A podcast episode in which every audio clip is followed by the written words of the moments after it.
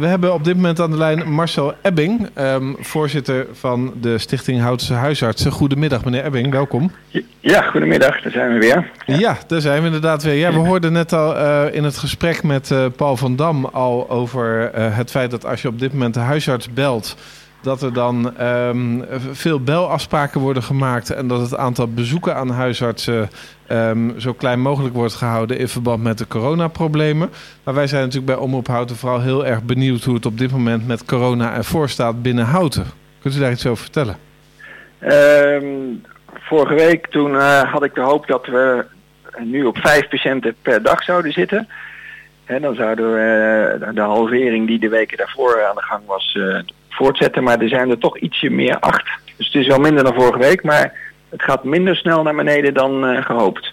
En ja. dat is een landelijk fenomeen, uh, begrijp ik. En dat betekent dus, want uh, die mensen melden zich niet altijd eerst bij de huisarts. Want je kunt je ook rechtstreeks melden via coronatest.nl om een test te krijgen.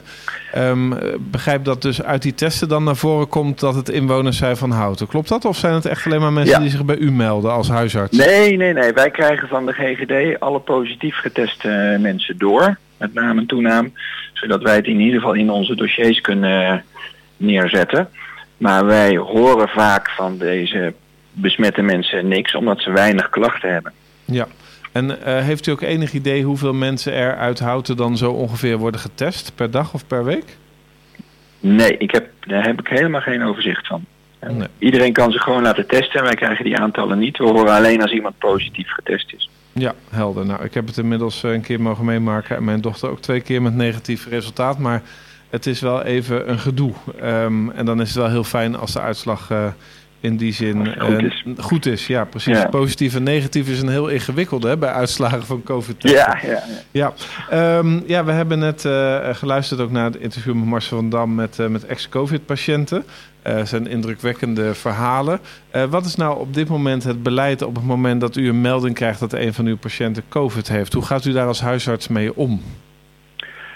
Nou, als wij positieve testuitslagen van de GGD krijgen, dan, uh, dan noteren wij dat, zodat we in ieder geval weten dat mensen besmet zijn.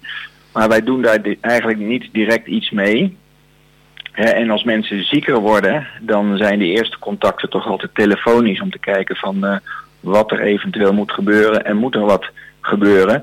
Want in die eerste fase kun je eigenlijk niet zo heel veel doen. Dan, afwachten of het spontaan uh, opknapt of dat het uh, in de loop van een week tot twee weken erger wordt en de mensen zieker en benauwder gaan worden. Want ja. dan pas uh, kun je iets. Ja, precies. Want dat vroeg ik net ook al aan meneer Van Dam. Van wat is nou het moment dat zeg maar, de huisarts zegt van nou, nu blijf je niet meer thuis, maar nu wordt het toch tijd om naar een ziekenhuis te gaan?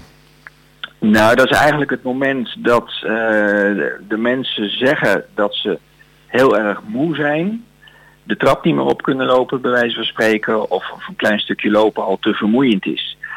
Het, het verbazende is dat ze niet zozeer over benauwdheid klagen, als wel meer over hele extreme moeheid.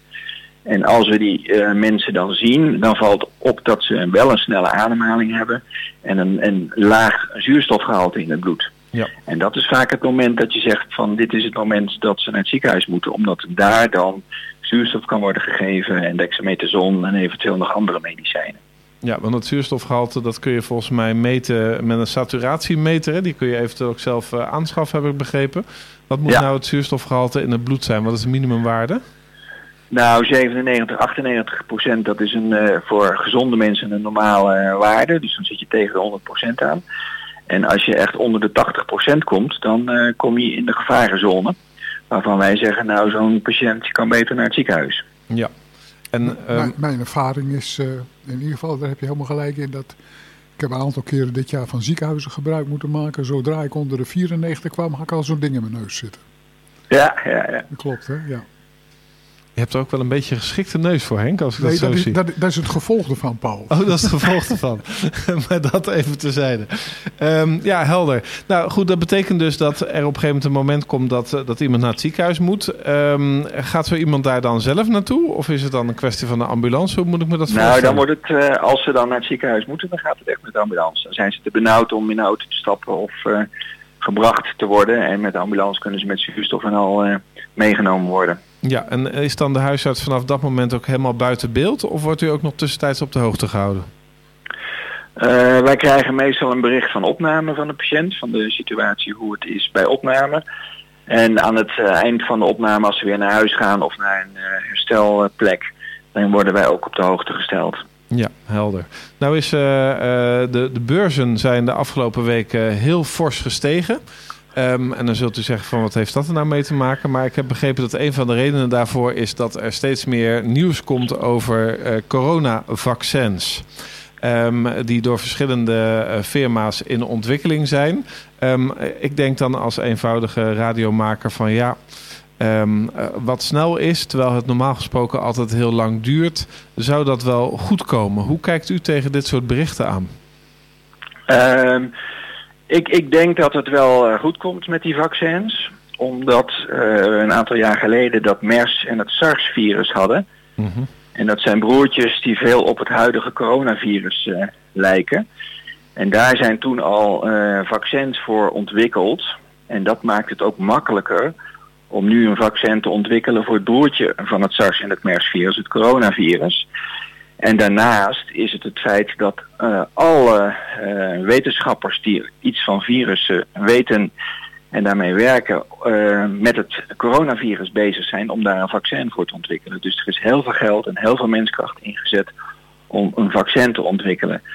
Dus ik zelf ben niet zo bang voor bijwerkingen van een vaccin wat nu ontwikkeld is en waarvan ze denken dat het goed is. Het is natuurlijk wel zo dat je nu nog niet kan zeggen wat er precies voor bijwerkingen ontstaan. Hè. Er zijn wel tienduizenden mensen gevaccineerd. Maar pas als je honderdduizend of een miljoen mensen gevaccineerd hebt, dan kun je de hele zeldzame bijwerkingen tegenkomen. Aan de andere kant zeg je van als het hele zeldzame bijwerkingen zijn, dan ben je toch beter af met een vaccin dan met het virus, waarvan we zien wat voor effecten het heeft op uh, patiënten die heel langdurig longklachten houden of levenslang longklachten houden en langdurig moe zijn. He, dat weten we in ieder geval wel dat dat uh, niet goed is. En die kans is minder groot, denk ik, dan de bijwerking van een uh, modern vaccin. Wat, je noemde iets en dat triggerde mij, want je weet heel veel mensen die, die, die zijn een beetje argwanend. Want Paul noemde dat het gaat wel erg snel en anders moeten we tien jaar wachten erop. Maar wat je noemde, en vertaal ik het dan goed. Eigenlijk zijn we hier niet vanaf de grond begonnen, maar lagen de fundamenten er door die broertjes en zusjes. En dat is ja. een andere start.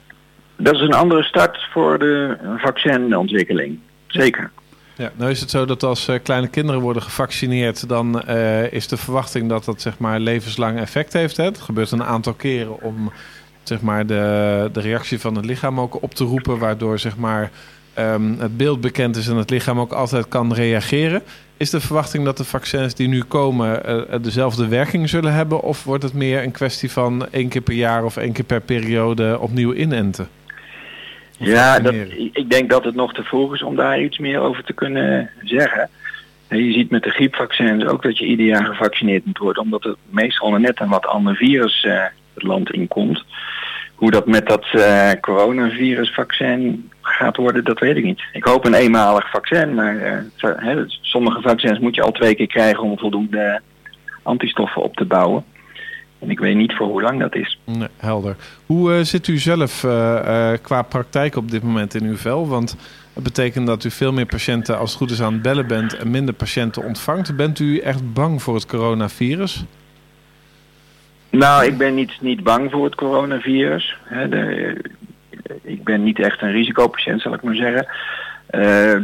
Die moeten wat banger zijn, omdat ze toch een grotere kans op ernstige complicaties hebben.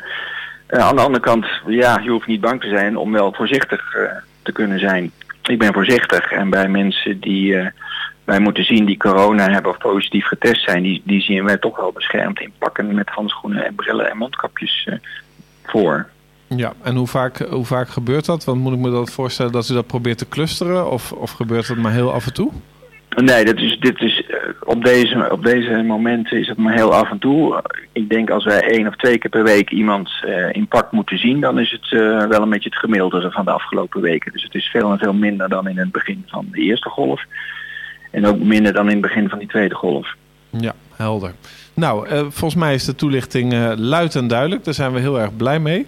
Um, ik wens u ook weer voor de komende weken veel sterkte en succes bij het bijdragen aan het nou, in ieder geval het oplossen dan wel het proberen zo klein mogelijk te houden van alle gevolgen van het coronavirus. En we horen u graag nog een keer terug op onze zender. Ja, graag gedaan en tot de volgende keer.